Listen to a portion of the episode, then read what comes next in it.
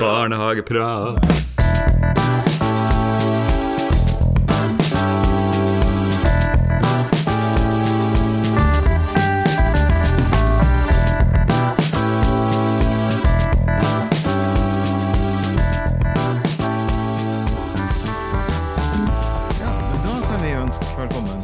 Podkasten eh, Barnehageprat.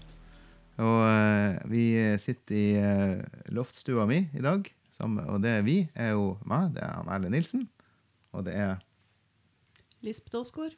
Og Øystein Jønnes. Og i dag er vi så heldige vi har med oss en gjest, og det er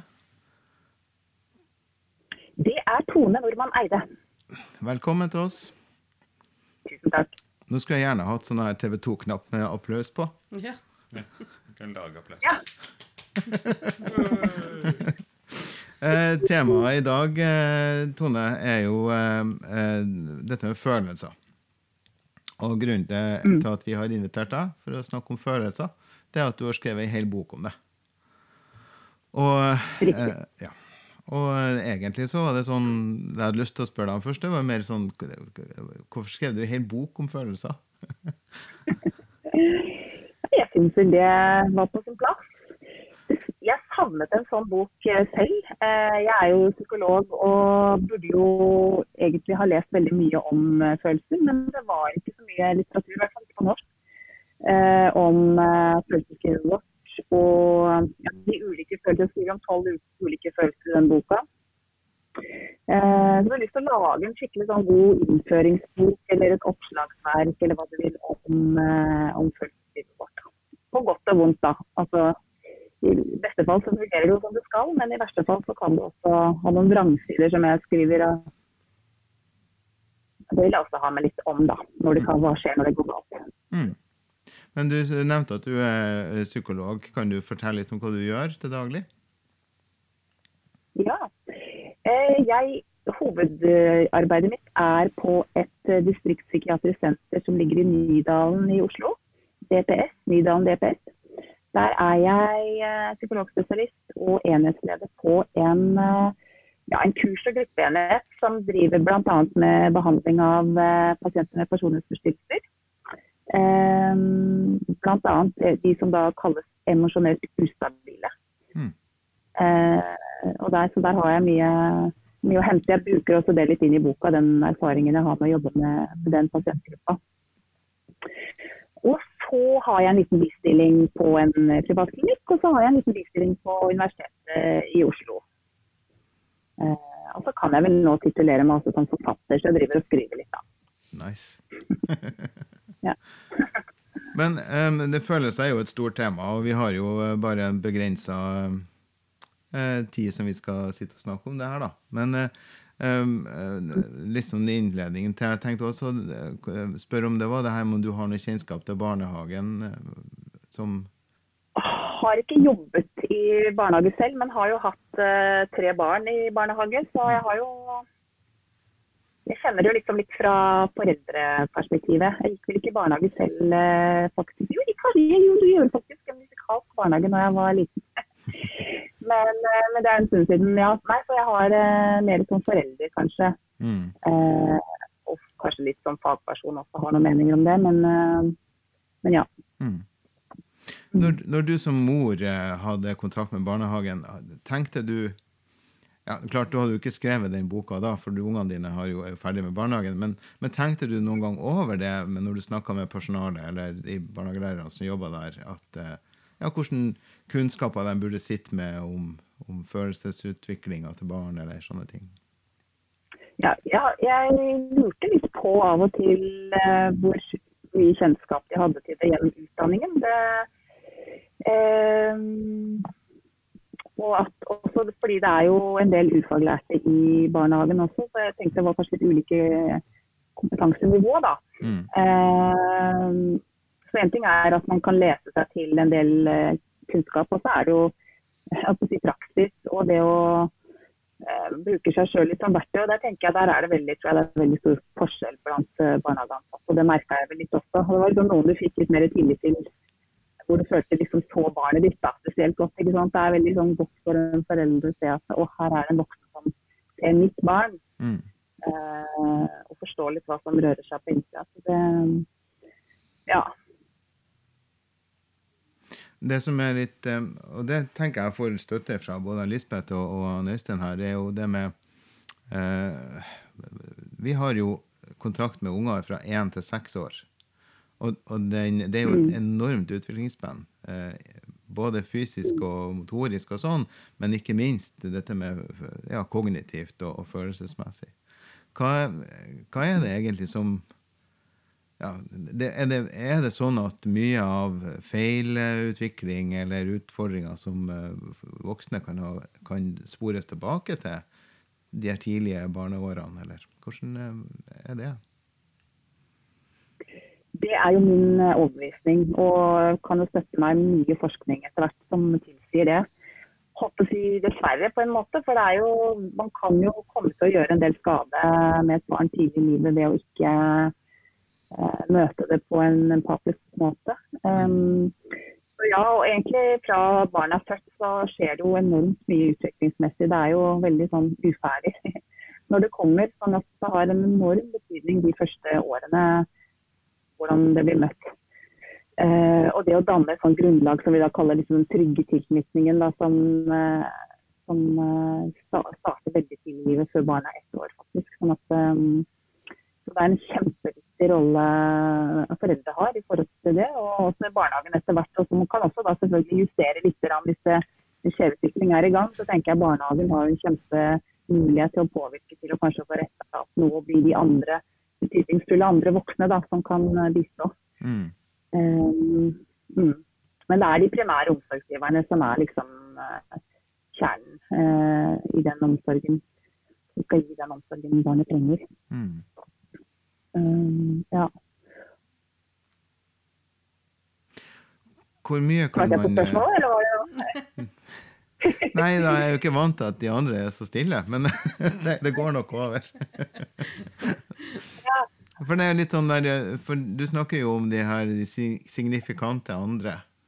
Og Ja. eh, for oss som har tatt barnehagelærerutdanninga, så er jo det en eh, Det er et kjent begrep, ikke sant? Eh, og og det, vi, er jo, vi er jo på en måte uh, i hvert fall ja, sekundær- og tertiære omsorgsgivere på mange måter. sant? Og, eh, og da, hva, hvor mye kan du veie opp? Altså, hva, hvor, eh, hvor, hvor viktig kan det være for unger som har ustabile emosjonelle tilknytninger, å, å møte eh, sensitive voksne i barnehagen? Det tror jeg kan ha en enorm betydning. Mm. Eh, men det krever jo på en måte en, en jobb og en stabilitet. Da, ikke sant? Og gjerne de samme voksenpersonene litt over tid også.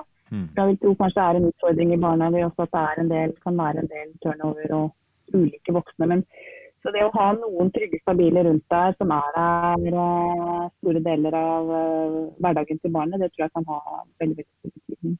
Mm. Um, så ja, ære være dere som tar på dere den rollen, da. Det er jo det mye, av det samme som, eh, som jeg tenker det her. fordi at eh, det å bygge relasjon med et barn, eller gjerne med alle barn, så får du, får du en trygghet hos dem som gjør at du kan jobbe gjennom stort sett alle følelser.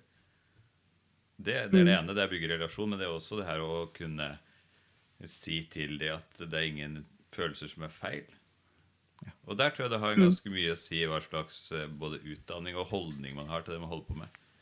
At du kan ikke jobbe i barnehage som en hvem som helst, for du må vite, vite hva du driver med. Og det å er- anerkjenne at det- ok, det her er en følelse du eh, Det er helt greit at du har det, men du må jobbe, kanskje må jobbe igjennom hvordan man, man bruker den følelsen. eller sånn. Så jeg er veldig opptatt av det. Så det, med, det med å ha den der relasjonen det blir alfa og omega for oss som jobber i barnehage.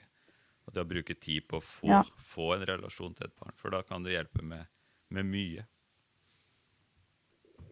Ja, og jeg tror også, jeg skriver jo ikke sant, litt, dette er en bok, bok for voksne, og, og sånn den boka jeg har skrevet, men jeg tror det at vi som voksenpersoner også har et litt sånn avklart forhold til vårt eget følelsesliv, og at vi kjenner litt til våre egne hva skal man si, blinde flekker. da. Eh, ikke sant? At hvis det er noen typer følelser jeg som voksenperson har litt problemer med, så har jeg jo, står jeg også litt i fare med å Og også som foreldre på en måte påføre barnet mitt ut av det samme problematiske forhold til en sånn følelse, f.eks. sinne eller tristhet. eller Hvis jeg har problemer med å tåle min egen tristhet, så vil jeg også kanskje ha litt problemer med å tåle mitt, mitt barns tristhet, og dermed bli dårligere til å trøste. Så jeg tror det også er kanskje en oppgave som, som et barnehagepersonell også kanskje Jeg vet ikke om det er en del av utdanningen, men det vil jeg tro ville være en veldig viktig del av, av en utdanning og det å jobbe med barn. At man, at man tar en god runde med seg sjøl på det, og blir litt bevisst på ja, hva, man, hva man kan tåle hos barna og deres følelser. Det tror jeg ikke vi lærte mye om. Nei, det tror jeg ikke. Men jeg tror, tror nok at det er blitt satt mer på dagsorden de senere årene. Jeg er ikke så sikker på at det er satt så mye på dagsorden på utdannelsen, men det er iallfall mer snakka om i sektoren, og kanskje spesielt i forbindelse med, med type vold og overgrep. Ikke sant? Dette med å bryte, bryte voldsspiralen, og at det er på en måte en kjensgjerning at hvis du da har opplevd eh, traumatiske ting i din barndom, så er det Altså, det er liksom sånn som man kan tenke at den siste som skal slå et barn, er jo en som er blitt slått sjøl. Men så er det akkurat sånn det blir. Fordi at man på en måte, Ja. som du sier, ikke klarer å få rydda i disse følelsene. Og, ja. Mm. Og sånn sett så kan en, sant, en omsorgsgiver som har en litt mer sånn utrygg tilknytning, komme til å sant, Det kan forplante seg generasjoner da, gjennom at man selv sant, påfører barnet sitt noe av den samme skaden som man selv har blitt påført. Mm. Så for, å, for å bryte ut av det, så trenger man en økt bevissthet. Og kanskje også ja, tåle sin egen sårbarhet og erkjenne liksom hva, man, hva slags mangler og begrensninger man har også som omsorgsgiver. Og kanskje nettopp kunne bruke barnehagepersonell og andre rundt seg til å be litt om hjelp da, der, man, der man føler det skorter. Eh, svelge litt stolthet på det, og kanskje nettopp fordi man vil stort sett sitt barns beste. Mm. Eh, så det tror jeg er eh, ja, Ja, for det ser noe vi alle som foreldre bør gjøre. Mm. for det ser jeg jo i, i vår kommune, da, så er jo det noe som er satt mer fokus på de siste årene. Dette med å- at uh, vi som jobber i barnehage, og for så vidt på helsestasjoner og, og i skole og på sykehus, skal være flinkere til å snakke om ting. Og, og legge til rette for at uh, det skal være rom for å si noen ting. Har du f.eks. Eh, en rusproblematikk i familien, det betyr ikke at mor eller far ruser seg, men det, det er klart at hvis, hvis eh, eh, bestefar til barnet drikker eh, ofte, så vil det være noe som, selv om kanskje ungen aldri er alene med bestefar, så er jo det noe som vil på en måte være et skulle si, uuttalt traume i familien, som kan ha påvirkning. Eh, er det psykiske problemer i familien? Eh, ikke nødvendigvis hos foreldrene, men, men i større grad. Sånn at eh, det er vel noe man er blitt flinkere til å snakke om, og satt på dagsorden, kanskje, tror jeg. Mm. Ja, og jeg tror også en del barn, altså Det er jo forskjell på hvor robuste barn er, ikke sant? Men, men jeg tror også en del barn kan stå i en del hva skal man si, påkjenninger også, hvis de har ikke sant, noen voksenpersoner som bare ser dem. Eh, og liksom kan anerkjenne at det, og skjønner at det du står i hjemme, eller det som det er kjempetøft. Mm. Eh, og kunne representere liksom det der at ja, jeg ser deg til tross for det du står i det. Mm. Eh, og også det å og også hvis man selv eh, kommer til å gjøre noe skade mot et barn, at man er eh, moden nok til å reparere. For det, det å reparasjon og det å liksom kunne si unnskyld eh, det jeg tenker jeg er en kjempeviktig egenskap vi, vi voksne bør ha også barna våre. Både som rollemodeller, men også fordi barn tidlig kan tilgi oss veldig mye hvis vi er i stand til å reparere og ta ansvar for det vi ikke helt makter i, i situasjonen. da. Um, Ja, der, der tror jeg du er inne på ting. Um, og um, det, det å være voksen og, og, For du gjør deg jo på en måte sårbar overfor det barnet. da. Du åpner deg på en måte som er uvanlig, hvis du sier Eller sånn, ikke uvanlig, men du, på en veldig sånn grunnleggende måte. da, Når du ser vet du hva, det der ble feil. Unnskyld. Det, det var ikke sånn det skulle være. og um, da får du, du får visst både det at eh, voksne kan gjøre feil, og at det går an å gjøre noe positivt med det. da. Før, før i tida så var det også sånn, og, og det tror jeg er på tur ut av barnehagene, altså, men før i tida var det sånn at uh, hvis et barn gjorde noe som ikke var greit, uh, så skulle man bort og si unnskyld. det, ble en sånn, det var en sånn greie, på, i hvert fall på 80- og 90-tallet, hvor at det var igjen en del eh, og det var litt det vi snakka om uh, før vi starta selve opptaket her. Vi snakka om det med intuisjon og hva vi gjør på intuisjon. da. Og, og da tror jeg intuisjonen til de her uh, husmødrene som jobba i barnehagen på den tida, var at man skulle si unnskyld for det man har gjort feil. da.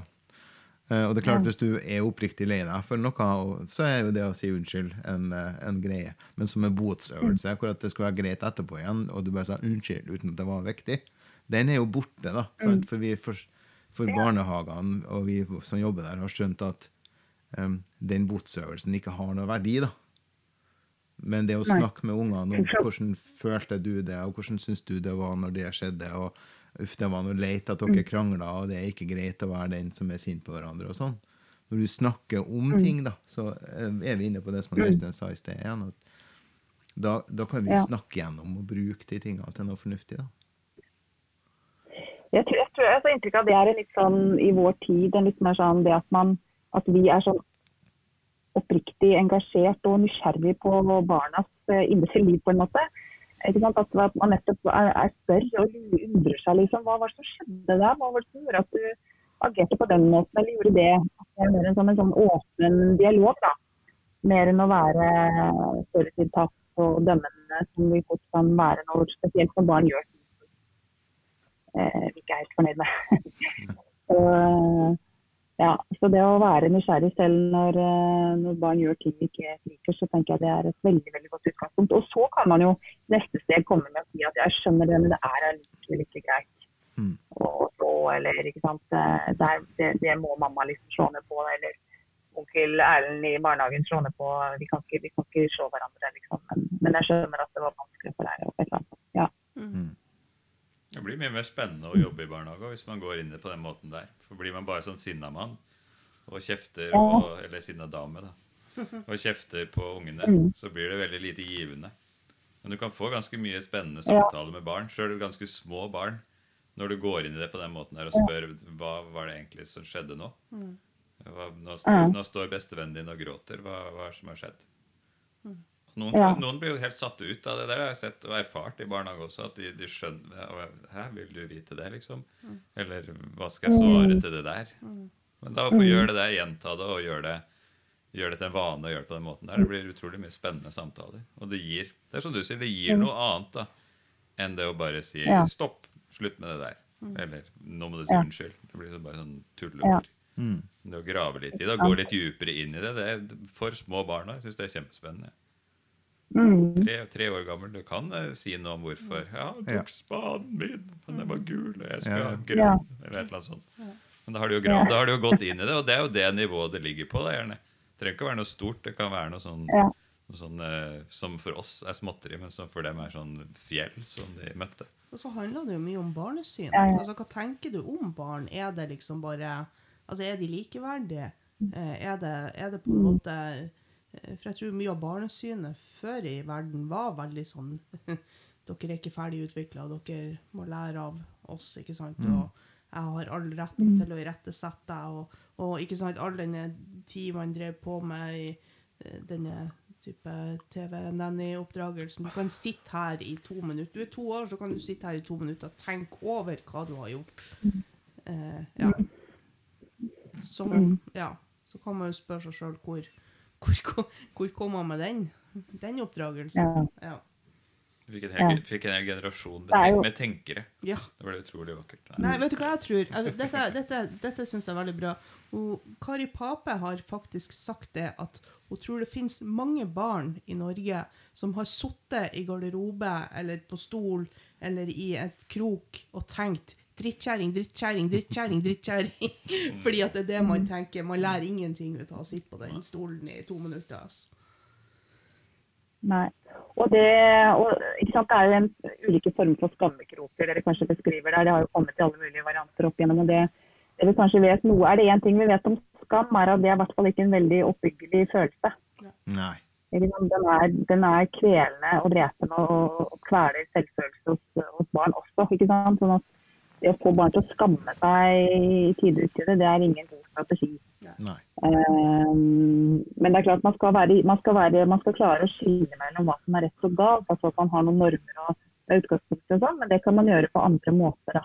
Mm. Kanskje mer typ, litt sånn positiv forsterkning og sånne ting. Men, men, men skam er ikke en, en god følelse å bruke i oppdragerøyemed. Nei. Mm. Mm. Vi har lært litt eh, av han Moritzen og gjengen, da.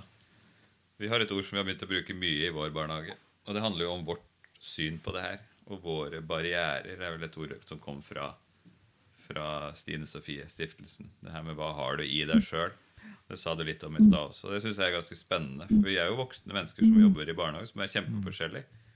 Og så skal man eh, jobbe seg inn i et sånt felles spor med alle våre egne barrierer og alle våre egne bra ting da, og all vår dritt som ligger der fra før. Og, og det, det er viktig å være bevisst eh, som voksen i barnehage òg på hva er det som Hvorfor reagerte jeg så sterkt på det, mens jeg reagerte ikke helt tatt på det?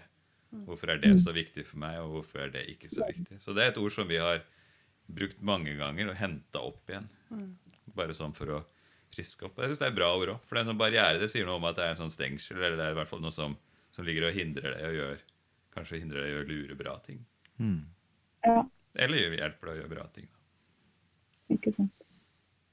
Det er jo også veldig viktig nå når det har kommet en, en ny barnehagelov som sier noen ting om at eh, barnehagen har en helt egen eh, et helt eget ansvar for å, for å si, unngå at barn blir krenka. Mm. Eh, og det er jo en, en helt egen diskusjon rundt dette. Hva er en krenkelse? Hva er det å krenke et barn? Eh, og det har jo ført til veldig mange interessante og spennende diskusjoner i barnehagen om hva som er OK å gjøre eh, si, mot et barn eller med et barn. Eh, og ikke minst hvordan vi voksne skal reagere hvis vi, hvis jeg opplever f.eks. at han Erlend krenker et barn, hvordan skal jeg reagere? Hvordan, for det å si fra til en annen voksen at det, hei, det du gjør her, det er faktisk ikke OK, er eh, i, i mye større grad eh, kjempevanskelig. Mye mer vanskelig, eh, tror jeg, enn å på en måte bare gjøre altså, hjelp meg. I for, altså, folk, altså, jeg opplever at folk syns det er vanskelig å si fra til en kollega at uh, At det var noe som ble galt. det her var noe som ble feil. Ja. Og at man bruker veldig mye tid på å snakke om hvordan skal vi på en måte si fra til de andre voksne hvis vi opplever at de krenker et barn, sånn at de ikke skal bli lei seg. Så tenker man kanskje ikke så mye over hvor, hvordan det egentlig er for den ungen som blir krenka. Mm. Men så er det jo en kjempediskusjon rundt hva er en krenkelse. ikke sant? For en krenkelse er jo nærmest blitt et skjellsord. Mm. Jeg tenker det der å gi tilbakemeldinger, det er sikkert, ja, det er sikkert eh, vanskelig av og til. Og igjen det der med å på en måte mm, møte den som da eventuelt krenker. Hvis man har en sånn umiddelbar reaksjon på at her var det noe som ikke var greit, at man da må sette av den tida og, og kanskje litt sånn som vi ville gjort med et barn, spørre litt hva som skjedde der. Mm, Jeg merker til at du, at du hadde en litt sånn sterk reaksjon, eller jeg bare lurer litt på hva var det som skjedde. Eh, for å få en åpenhet, sånn at vedkommende kan se litt på seg sjøl eh, litt utenfra. Mm. Eh, og skjønne hva, hvordan det virker, da, den måten å være på, f.eks. For, for sånne ting er det ikke alltid bevisst. Nei, og der Mm, tror jeg jo- ja, for der tror jeg det er veldig mye av det du snakka om i sted, at, at det er egne eh, opplevelser og erfaringer som, som du egentlig ikke er bevisst, fordi at du, du på en måte nesten har, kan si at ja, men sånn, sånn har jo jeg, ble jo jeg oppdratt, eller sånn har vi jo alltid gjort det, eller ikke sant? Eh, For det satt jeg og tenkte på, Tone, når du sa dette med om jeg sjøl har noe uavklart, eller det å være klar over hvem man er, hvilke følelser man har, og hvordan man eh, Det satt jeg og tenkte på. eh, Hvordan gjør man det i et personalmøte, liksom? Det ble jo Ja, for det ble interessant for meg. Ja. For, for du har rett i det. Det er jo ikke noe eh, Bortsett ifra at vi kanskje har drama eh, på lærerskolen, så, så er det jo ikke noe så er det ikke noe, det er ikke noe tema på barnehagelærerutdanninga i noe særlig grad. Og i enda mindre grad de som er ufaglærte eller sånn, har jo kanskje vært gjennom den typen eh, prosesser, ikke sant? Og, det, og da begynte jeg å tenke på hvordan gjør man det med voksne? Da tenker jeg, da må, man, da må man kjøpe den boka mi til på 550 sider, og så må man lese den fra A til Å. Veldig nøye. Og så Nei da. Men uh, man må, man må kanskje, Det er jo veldig interessant hvis man da tar for seg ikke sant, og gjør en liten undersøkelse på seg selv eller på hverandre. Liksom. Hva, hva, er forholdet ditt til sinne da? Hvordan, ja. hvordan, hvordan, har du det med det? Hvordan tåler du ditt eget sinne? Hvordan tåler du andres sinne? Hvordan reagerer du vanligvis når noen hever stemmen, eller hva, hvordan er det for deg med skyldfølelse? Er det en følelse du er det lett for deg å si unnskyld, eller er det vanskelig? Hvorfor er det vanskelig? Mm. Og så være litt sånn nysgjerrig på for å finne litt ut av det. ikke sant? Ja, hvorfor er det så vanskelig for meg å si unnskyld? Ja, det er problematisk. Jeg har ikke det.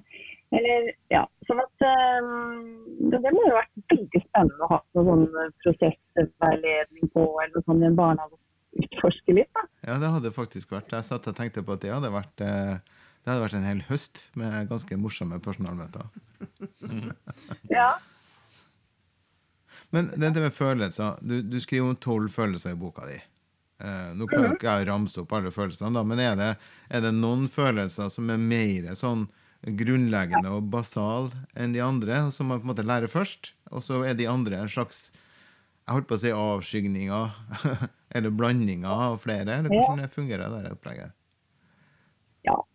ja. det er et godt spørsmål. Det er jo litt uenighet i teorier og, og forskning på dette. Men, men, men, eh, og litt sånn ulike tradisjoner òg. Men man tenker at sant, at vi har dette følelsesapparatet vårt som ligger litt sånn naturlig i oss fra evolusjonens side. Og der er det noen typer følelser som vi har til felles med andre pattedyr. Mm. F.eks. sånne ja, kalde følelser da, eller reaksjonsmønstre som, som, vi har med oss for å, for å, overleve. Og det vil jo typisk være sånne ting som sinne, frykt. Uh, og man tenker også på en type lek, lek, eller glede er en sånn type basal følelse. Positiv mm. følelse. Uh, interesse det å sant, utforske omgivelsene sine. Eh, tristhet, sorg, det å miste noen eh, som en basal følelse. Mm.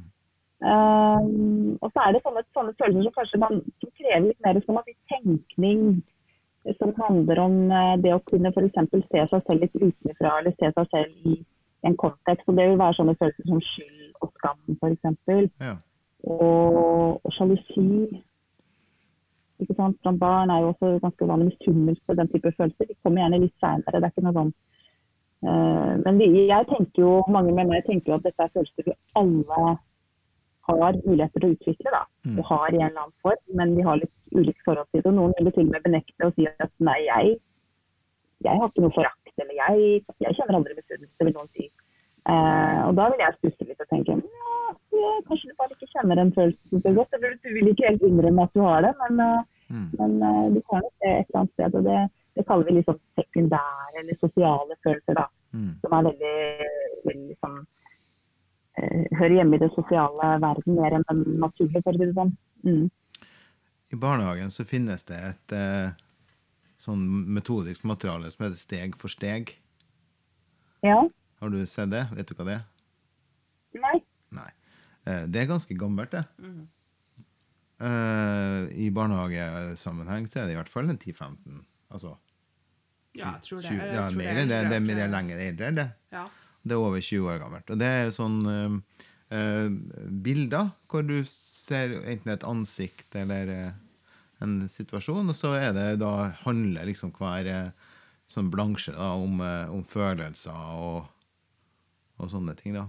Og, og, Målet der er at man skal benevne og snakke om det og på en måte gjøre det kognitivt. da. Og det regner jeg med fremdeles er en uh, effektiv måte å, å, forstå hvilke følelser man har inni seg. Ja, da. Absolutt. Og det å bruke sant, etter hvert å finne et språk, en kommunikasjon som sant, mer enn å agere på en følelse. sant? Istedenfor å slå, så vil barnet kunne si 'jeg blir så sint' mm. når du gjør noe sånn. Mm. Eh, som er en mye mer sånn moden måte å håndtere en følelse på. sånn at Det å finne et språk og det å klare å uttrykke seg verbalt er jo en kjempeviktig del av det. Å kunne gjenkjenne følelser både i seg sjøl og andre. da, mm. regnes jo for å være en veldig sånn psykologisk moden egenskap. på en måte, At man, at man er i stand til det. Mm. De som strever med det, de strever liksom veldig ofte veldig sosialt. Ikke sant? Hvis ikke du er i stand til å eh, gjenkjenne følelser. Eh, f.eks. blant barn som f.eks. har autisme, er jo typisk. Ja. Asperger, for eksempel. Mm. Og ja, Asperger og sånn, forstå liksom, sosiale samspill og forstå liksom, følelsesuttrykk, også litt sånn nonverbalt. Mm. Eh, men eh, ja, nei, så det er en veldig viktig eh, sosial ferdighet å, å lære seg. Så det høres ut som et fint program. da, eller Bruker dere det fortsatt? Ja, det er mange barnehager som bruker det ennå. For jeg, tror egentlig det har gått ut på dato. Så det er ganske, ganske vanlig brukt, ja. Mm. ja. Det er jo helt vesentlig, da. Det der med modning også. At jeg opplever kanskje eh, en del De trenger et språk, det er viktig. fordi at det er, det er litt sånn grøt for barn i starten når de er små. Så, og vanskelig for oss å rekke opp hva det er det egentlig var som skjedde her nå. Og enda vanskeligere for de. Eh, bare det å gjenkjenne en følelse av å være sulten. Det kan jo gå helt galt, for det kan jo bli så sint, eller du kan eh, gå rett i hyling og gråting. Og så er det egentlig mat du trenger, men du vet, eller de kjenner ikke det sjøl. Og der òg trenger de voksne, da. Gode voksne som, som liksom gjenkjenner hva er det her egentlig. Er det, er det virkelig at du er, ble du ordentlig sint for noe jeg gjorde nå, eller trenger du bare brødskive? Så, så vi må jo røre litt i den grøten. Det er jo det ene. Og Så må vi gi de de her begrepene. Så jeg har tro på sånn der Jeg er ikke så veldig glad i sånn der opplegg, jeg, men, men eh, det er jo bare meg. Men at man trenger ord på det, det er jeg glad i. Fordi at man trenger, Ja. trenger å klare å, å lære de å sette ord på det. Sånn etter hvert. Mm. Ja, også det å Ja. klare å Og gjenkjenne også- andre, andre sine følelser, og lese at OK, Mm. nå ser du at når du uh, tok den leken, ser du at han blir lei seg da? Ikke sant? Ser du hva som skjer nå? Uh, hvordan ville du ha følt det hvis han hadde tatt den fra deg? Ikke sant? Den der må på en måte lære de til å skjønne at Ser du det at altså, eh, Det snakker vi mye om i barnehagen i forhold til det med å være voksen, og det å faktisk eh, Du skal Altså, hvis du er alvorlig, hvis du, hvis du skal på en måte være tydelig på noe, så kan du ikke stå med, med et, et helt flatt toneregister og smile mens du gir en beskjed. Du må på en måte vise at, at eh, Altså Du må ha toneleie, du må på en måte ned, du må ikke sant, uttrykke hva du egentlig mener, sånn at ungene klarer å lese deg. Mm. Uh, ja. Og det er jo som jeg sjøl sier, det er jo noe av det skumleste jeg vet. Det er jo, det, det er jo mennesker. Hvis jeg vet at, at noen er irritert på meg, eh, at vi f.eks. har en diskusjon, og jeg skjønner at vedkommende er, totalt uenig med meg og egentlig syns at jeg er helt på jordet, og så sitter vedkommende der og smiler og nikker og, og sier at ja, ja, jeg hører hva du sier, ikke sant. Så, så, så er det mye lettere for meg å akseptere det hvis, hvis noen hvis vedkommende da viser at nå er jeg uenig med deg.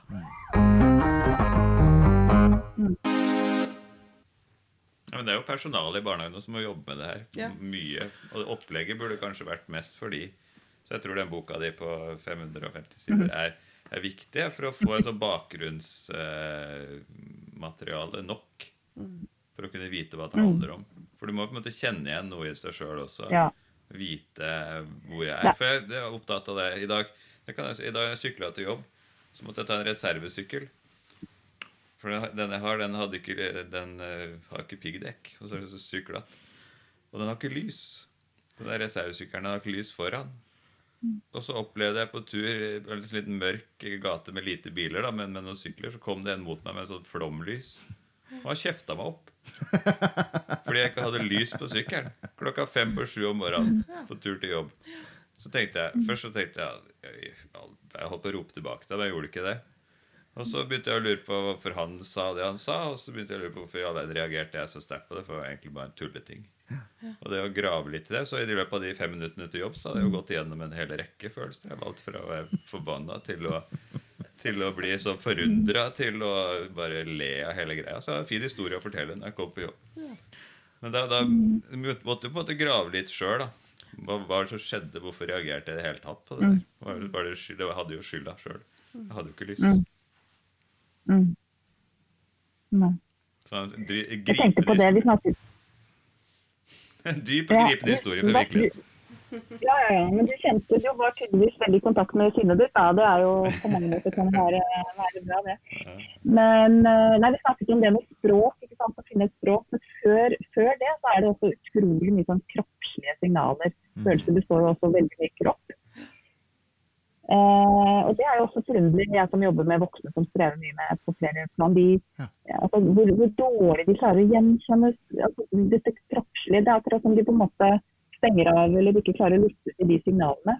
Mm. Eh, det er også sånn, vi, jeg tenker vi kan hjelpe barn eh, med å forstå liksom, og spørre liksom, hva, hva er det du kjenner. Og noen barn har jo fantastiske metaforer. Ikke sant? Så, hva er det, hvordan de kan ha det inni seg. Eh, er en smart ja, jeg vet ikke. Dynamitt eller et eller annet sånt. Ja, og ja, så var fint, ja, ikke sant? Så kan vi hjelpe dem med å på en måte sette noe begrep på de der kroppslige eh, reaksjonene de har. Og det er altså en måte å liksom nærme seg dette følelsen, å være litt bevisst på å kjenne etter. da. Er det sånn den følelsen kjennes ut? Ah, OK. Så den der skyldfølelsen kjennes ut som en sånn klump i brystet. Ja, det er det, den, det er sånn den kjennes ut. Mm. Vi må hjelpe våre pasienter til å oversette en del sånne Mm. fenomener da, som de tror er bare en uro eller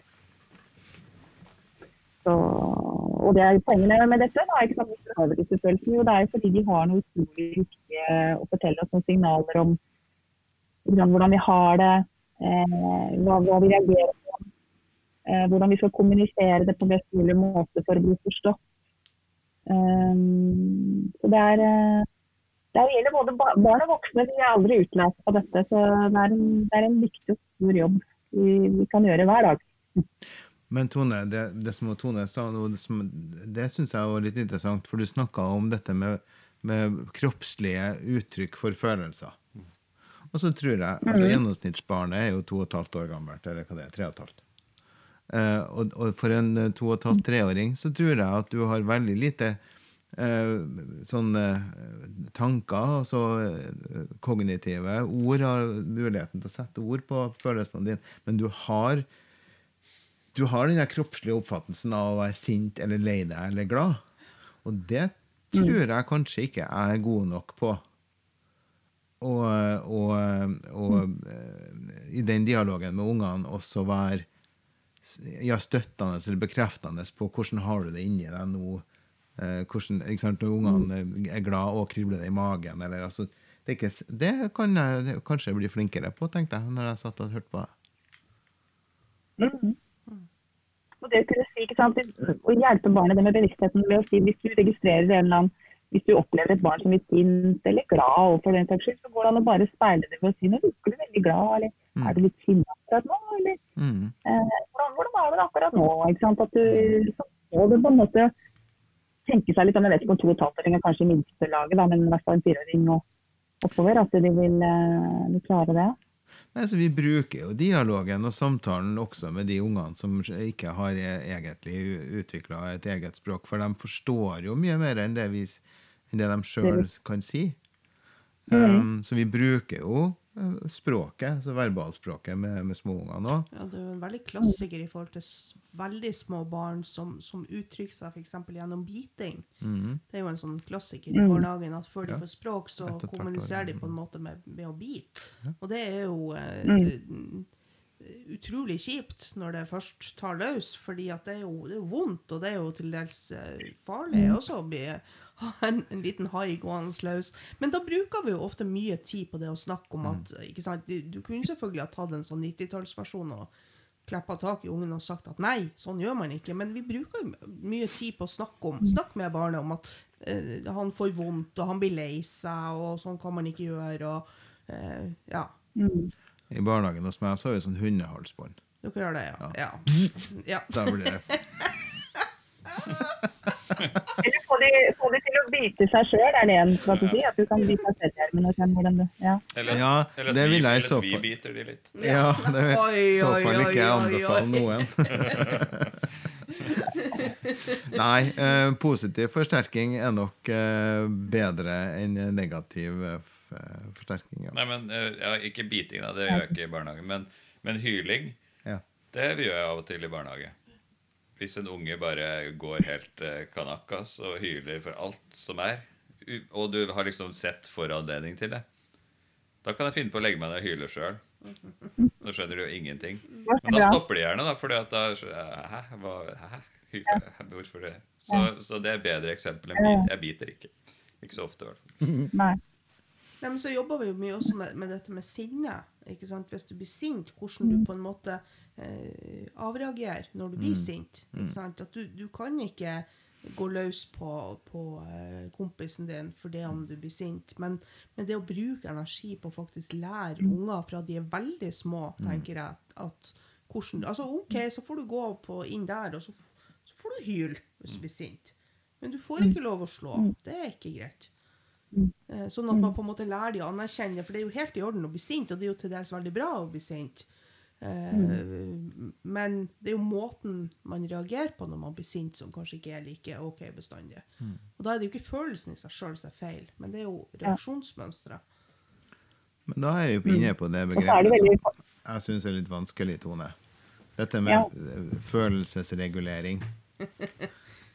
For Ja. det, det er sånn som om følelser er noe farlig som vi må justere hele tida. Eller det, Mm. det sa du før de andre kom, at eh, det kunne du hjelpe meg å, eh, å nyansere litt.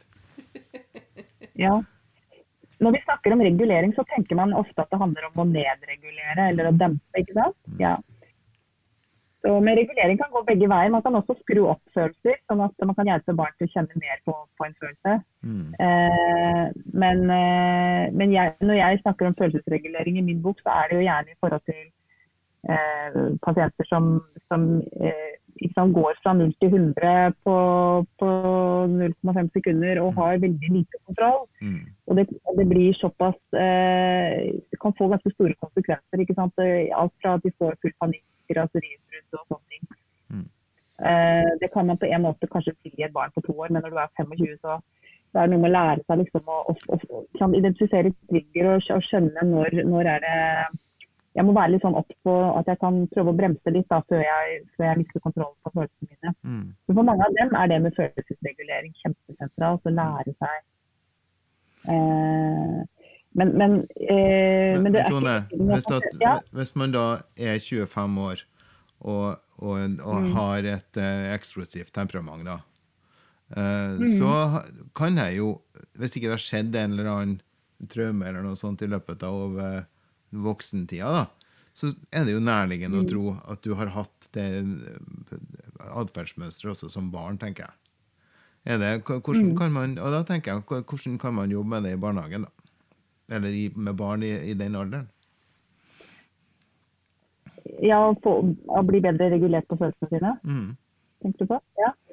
ja nei, altså øhm, Igjen så jeg tenker jo ofte at øh, barn som er dårlige liksom, Dette er litt sånn temperamentsforskjeller òg. Noen barn har jo bare veldig mye temperament. Mm. Og så er de skjønne vesener og trygge i bånd liksom allikevel. Mm. Så vi må skille litt på de barna som på en måte har et sterkt temperament, og på andre måter er ganske sånn adekvat, holdt jeg på å si. Mm. Eh, versus de som på en måte er uregulerte. De tenker jeg ofte er eh, har fått lite hjelp da, tidlig i livet til å, å, å håndtere følelsene sine. Ikke sant? Noe av problemet er at mange blir overlatt til seg sjøl når de har sterke følelser. Det er det verste de kan oppleve. Sånn at uh, Når det er sterke følelser, så trenger de på en måte en voksen som kan bare være der og stå der litt som en påle og romme. uh, og si 'jeg skjønner at det syns, jeg står her'. Mm. Så, ja, du må bare, ikke sant? Ehm, og så tror jeg jo også på at uh, ved å gjøre det nok ganger, så vil uh, man oppleve ganske raskt at barn trenger den der ytre reguleringen som du sier, for å bli, få bedre evne til selvregulering. Så jo bedre den ytre reguleringen er, det er noen der som står der og sier det du har synd, jo bedre vil barnet være i stand til etter hvert ta på seg den oppgaven. da. Mm. Eh, og klare å finne det språket for å si ja. Å, kjenner jeg blir så sint, jeg tråkker inni meg. Mm. Eh, det vil være et eksempel, da. Mm. Eh, men jeg tror man skal være veldig obs på barn som har, eh, som har store reguleringsvansker. Ja, det er ikke noe ord jeg er glad i, men eh, fra tidlig av så jeg tenker da skal man være litt nysgjerrig på hva slags tilknytning og hva slags omsorgssituasjon de er i. For det, eh, de fleste barn som er trygt tilknytta, de vil også ganske tidlig, jeg vet ikke hvor tidlig, men relativt raskt eh, altså, få med seg en slags sånn indre regulator da, som på en måte klarer å skjønne litt at jeg må holde igjen litt mitt eget sånn at ikke jeg skader andre. Da. Mm. Men, Um, men disse barna da som, som som vokser opp i trygge, stabile hjem med Altså, alt er på en måte på stell. Eh, men allikevel har disse voldsomme følelsene, og de er liksom nesten bare Uansett hva det er for slags følelse, så er den liksom litt i extra large, på en måte. De blir kjempesinte, og de blir kjempelei seg, og det er liksom eh, ja, altså Nesten som sånne, for å sette på spissen, litt sånn små drama queens, som man egentlig ikke finner mm. sånn helt konkret. For der jobber vi jo en del med i barnehagen, med å på en måte som du sier, å, å regulere det, ikke sant? og prøve å dempe det. Men så er man jo redd for at det skal være feil, det òg, på en måte. Altså, men hva er Det det, du spør om, det er hvordan jobber du med det Ja, på, på en positiv måte? For det er det vi liker, sant? Ja. Mm. Hvis, jeg, vil jo, jeg vil jo tro at dere kanskje har liksom hørt at hvis det barnet på andre måter er ganske velfungerende, godt likt, har, har venner, får til det sosiale samspillet på andre måter, så er det kanskje ikke så mye grunn til bekymring. og Der kan man kanskje bare tenke at her må vi bare romme og, og liksom passe på at kanskje noe roer seg litt. og at uh, men hvis det, hvis, det, hvis, det, hvis det stadig vekk er, blir, blir samspill, blir konflikter, blir trøbbel rundt det barnet hele tiden, så tenker jeg det er jo jeg synes, jeg, Det kan jo selvfølgelig være at barnet har en eller annen diagnose da, som gjør at, eh, at, at er, det, er det noe alvorlig, liksom, mer sånn ADHD eller noe annet som gjør at det er uregulert. Eh, jeg, det kan godt hende at de Og det kan selvfølgelig også være noe genetikk her. ikke sant, At eh, mor eller far har mye temperament. Eller, men hvis mor eller far har mye temperament, så kan man jo lure litt på hvor trygt det har det egentlig. Er det egentlig Mm. eh, sånn og sånn. Så ja.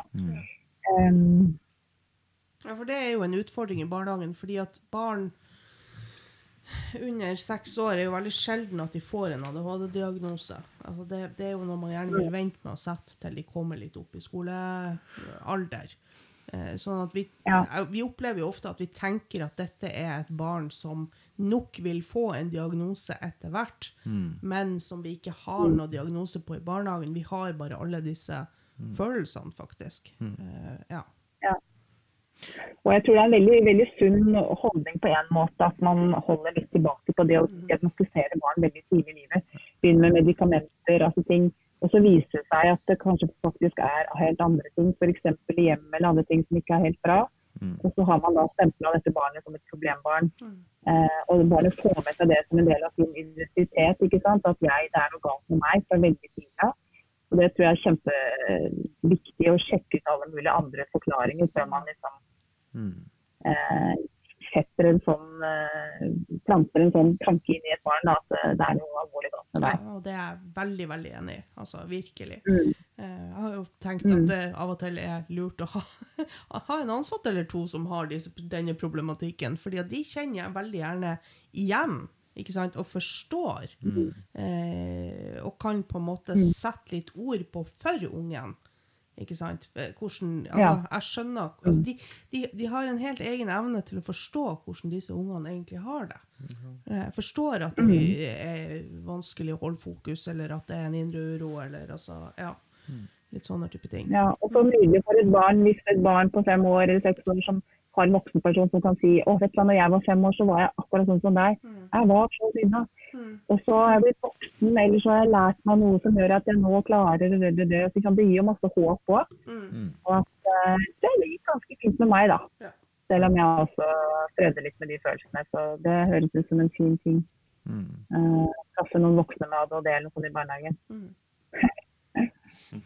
Men, men en av de tingene som vi strever veldig med i barnehagen, det er å prøve å finne Litt av det som jeg sa i sted, det er å finne positive vinklinger på å jobbe med ting. da. For det er, det er veldig lett å være voksen og si nei og stopp. Og, og, for det er det, det, det, den, og det, med, det jeg tenker er feil da, med å tenke, når man tenker regulering som at du skal trykke ned noen ting. Eh, For, for jeg, jeg, er jo helt, jeg skjønner jo jeg òg at man må regulere seg på den måten at man må prøve å ha et så adekvat eh, uttrykk for følelsene sine som man klarer i henhold til modning og utvikling. Så det som er utfordringa for oss som jobber i barnehage, tenker jeg, det er å være sensitive voksne og, som klarer å finne en måte å jobbe med de utfordringene på, på, på en oppbyggende måte. For det er kjempelett å finne um, ak, um, ag, um, Jeg vet ikke, jeg har et lite drypp her. Jeg skal se. Det er kjempelett å finne eh, måter som barn agerer på, eh, som vi ønsker å eh, ja, mer sånn kirurgisk ta bort. da. Men, men det tror ikke jeg er så veldig oppbyggende og så veldig lærerikt for barn. Jeg tror det blir mer lærerikt å finne måter å, å få det til på på en positiv måte. Og det syns jeg ofte er utfordrende med de, de der negative følelsene som sinne og, og aggresjon. Aggresjon spesielt. For det har jeg skjønt er egentlig litt annerledes enn sinne. da. Du Sint blir du fordi du blir utsatt for noen ting, tenker jeg, mens at aggresjon det er noe du har med deg inn i, ja, i møte med, med andre. da. Så det å være det, det, det, det, det er slutt med det der. Det er lett. Men ungen lærer ikke noe av det. Så det, ja, og det tar mye lengre tid. da. Du må bruke deg sjøl som et verktøy på en helt annen måte. Du skal møte unger på, den, på en positiv måte fordi om de har en negativ måte å være på. Det er ofte det som Men den, ikke sant, den der, unnskyld. Nei, bare Nei, den der forsiktige, den der, ikke sant, du snakker med, jeg sitter med den der toleransevindu-modellen inni hodet. Eller, husker du, Mm. ja, ikke sant, det der å, ikke sant, når er det passe temperatur? Det Ja. skal, ikke sant, det å anerkjenne at den følelsen skal få lov til å være der, og man skal få lov til å kjenne at man har de følelsene.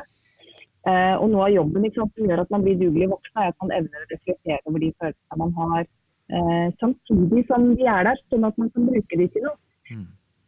Men når man kommer, når man kommer over dette vinduet, når liksom følelsene kommer ut av kontroll, så, så får man ikke brukt det til noe nyttig lenger. Da er det bare en type utagering som skader både deg sjøl og andre. Mm. Så der er det en sånn grense eller en terskel som jeg tenker barn trenger å lære når det er opp hit. Mm. Kjempefint sier, men det, liksom, den utageringen der, den, Mm. der skal vi ikke, liksom. Mm. Det vil være en god regulering, da. Mm. Um, Ja. Å si at uh, ah, følelsene skal absolutt ha sin plass, men, uh, men ikke på bekostning av andre på et vis. Da er vel lærdommen. Mm. Må vi jo lage passelige forventninger til de her barna vi jobber med òg, tenker Ja. jeg. Ikke sant? Eh, Kanskje noen ganger så forventer vi for mye av de. Det var litt det jeg mente i stad også, i forhold til det med at kanskje er det sult som er eh, primærbehovet, som utløser en masse annet dritt. Mm. Eh, og kanskje da skal vi ikke forvente så mye mer enn at de klarer å sette seg ned og spise. Mm. Eh, og det, det også er det er det jo en utfordring i barnehagen det at vi er jo ikke ett og ett barn gjerne. Vi er jo ikke én til én så ofte. Vi er jo én til eh, 15, kanskje. Og så skal du håndtere Ja. eh, barn som, eh, som har følelser de ikke har helt kontroll på sjøl, oppi den gryta der, uten at de føler seg krenka, da, uten at du henger de ut overfor de andre. Det syns jeg er en stor utfordring. Jeg kan jo sitte med Det er sant. 25 barn og være to andre voksne, og så får du plutselig to barn som, som ikke fikser den settingen. Og hva gjør man da? Går man ut? Tar man, ja. Så det, det, det er stadig sånne der ting òg. Så det å, å av og til bare sette forventninger på passelig, passelig nivå, og ikke forvente altfor mye. Ja. For vi jobber med små barn. Av og til så tror jeg vi glemmer litt at vi jobber med små barn. At vi tenker at det er, er små, små voksne, så det her burde du jo skjønne. Det er litt den der skammekroggreia, for at du skal tenke over liksom. Men hvis du skal tenke over det, så må du jo ha noe å tenke over annet enn drittkjerring, drittkjerring, drittkjerring. Ja. Du må kunne, må kunne reflektere over hva var det her. Og da skal det være ganske Enten skal det være ekstremt klokt barn, eller så må du være reflektert voksen. på en måte. Det er vanskelig. Det kan jo kanskje noen Ja, jeg... kunne sagt det til deg når du ble kjefta på han fyren der. Nå må du sette deg og tenke over det, Øystein. Hva var det egentlig som skjedde Jeg hadde ikke tid til det, for jeg skulle på jobb. Jeg måtte sykle som en gal. Nei, Nei Men jeg bare men lyst til å kommentere på det. fordi jeg, jeg, Selv om jeg er psykolog og er veldig glad i å snakke om alt, så er det jo selvfølgelig sånn at uh, ikke sant? Det er jo nærværet som er det viktigste, og kanskje spesielt med de små barna. At når de er i noen vanskelige følelser, så ikke forlat dem. Mm. Men bare vær der litt hos dem, sånn at de får en eller annen følelse av at det er bare er noen der. I seg selv er det noen ganger nok. Uh, og så man avlever litt, eller hva man gjør, men at man i hvert fall ikke forlater dem. da. Eh, Det tror jeg kanskje er det, er det vondeste de opplever. Så er det ikke, skal man jo ikke snakke ting i hjel heller. Nei, men jeg tror jo også det som, og, ikke sant, Hvis du har unger som, som utagerer eller ikke sant, mister det litt Det å faktisk eh, på en OK måte fjerne det fra situasjonen, men som du sier, ikke eh, ikke la de være alene med deg. Det er kjempeviktig. Det, ja. Mm. Ja, men ja, og, og, og ikke snakke ting i hjel, altså. Det var, det var veldig bra, bra Ja. sagt. Jeg tenker at det, Skal du si noe, så er det lurt å ha noe adekvat og nyttig å si. Ja, men det er jo også noe med det å faktisk bare altså, eh, Skjerm ungen. Eh, Nå snakker vi om små barn. ikke sant? Skjerm barnet. Hvis f.eks. i en måltidssituasjon du har en unge som, som mister det helt, ikke sant? så er det jo ikke spesielt heldig for ungen at du, her skal du sitte. Nå skal du sitte her og oppføre deg. Nei, ok, Så kanskje vi er nødt til å ta en, en pause i lag ute i gangen. Men du skal jo ikke sitte der alene i tre minutter og tenke over hva du har gjort. Men jeg er her i lag med deg. Eh, og det er, ikke, det er ikke alltid at man trenger å si så mye, men at man bare er der i lag. Så kan det en positiv forsterkning og det kan være sånn at du, du finner ting som denne ungen er sterk og god på, Ja. og bygger videre på det. Jeg syns det er fascinerende å jobbe med barn som ikke er helt uh, firkantet. Fordi at da kan jeg finne ut hva er det hva er det som funker for deg? Hva er det du syns er artig å holde på med? Ja. Og gjøre mer av det. Er det å gå utfor gjerdet og springe tulling ut på jordet? Eller er det å bygge noe? Er det å sitte og tegne kjempedetaljerte tegninger? Altså at man leiter etter det. Men det er jo det krever jo at man har Det krever at man har tid, men det krever også at man er interessert. Sånn at jeg kommer hele tida tilbake igjen. I mitt arbeid så går jeg tilbake til den relasjonsbygginga. At du jobber med det. Hvis du har gode relasjoner med et barn, så kan du jobbe deg gjennom nesten alt. Og da kan du få, få veldig mye tilbake, og da får du en mye mer interessant jobb òg. Enn hvis du blir sinna mann som Ja. går og kjefter de opp fordi at de bare er barn. Ja, jeg liker godt. Jeg synes det er fint det du sier også, fordi det du trekker opp fram er jo dette med at barnet kan, kan utvikle og få oppmerksomhet på noe det er bra, god på, eller har en interesse for å til. Sånn, plutselig er det kanskje en voksen som, som speiler en og, og gir en selvtillit på jøss, jeg, jeg kan noe, eller jeg kan få til noe. Det er jo en del av våre pasienter og voksne som strever i livet sitt, som sier jeg hadde vært et helt annet sted hvis det ikke hadde vært for den læreren eller den så meg og at jeg kunne noe. Mm. Eh, så det kan gjøre det er helt enig med at det er kjempeviktig å se ressursene i barnet, eller hva du vil kalle det, da, som, eh, som kan bygges på. Så det, det er fint. Ja, styrke det på det. For alle, jeg tenker jo at alle har noe godt i seg. Og jeg tror, Nå har vi jobba mange år i denne bransjen og møter jo av og til igjen noen sånne lange bengler på godt over 20 år som jeg hadde i barnehagen når de var små.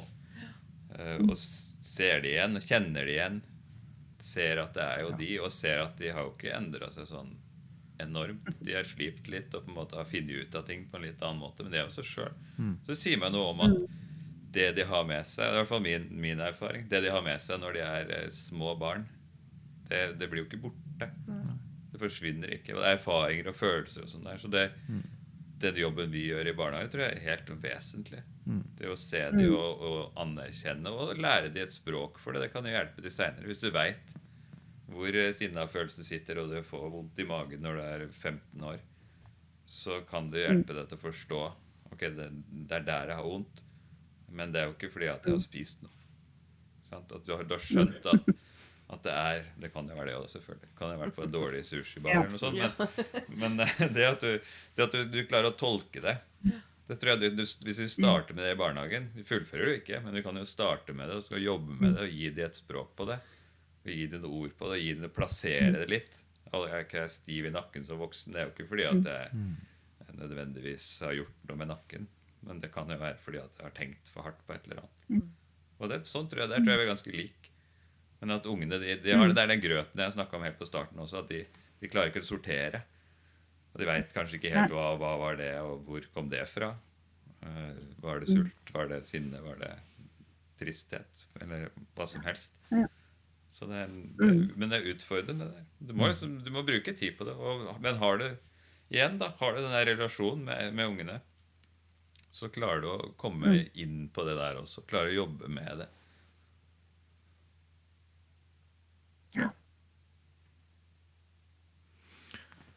Ja. Nå har vi sittet en time. Åh, Ja. Dette var utrolig spennende, altså. Mm. Jeg kunne sikkert ha sittet en time til. Men. Ja, det, er- når du først har muligheten da, til å snakke til knapt 200 barnehageansatte, hva kunne du tenkt deg å ha sagt til folk som jobber i barnehage, når du først har eh, Det, Hva det jeg kunne tenke meg å si til dem? mhm. Eh, nei, jeg hadde først bare lyst til å kanskje si takk for eh, at dere gjør en så viktig jobb og tar på dere den, det samfunnsoppdraget det er for å skape dugende folk i landet.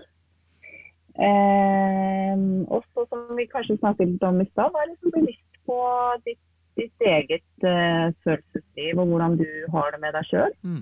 Eh, og hvordan det kan sette spor på godt og vondt i andre.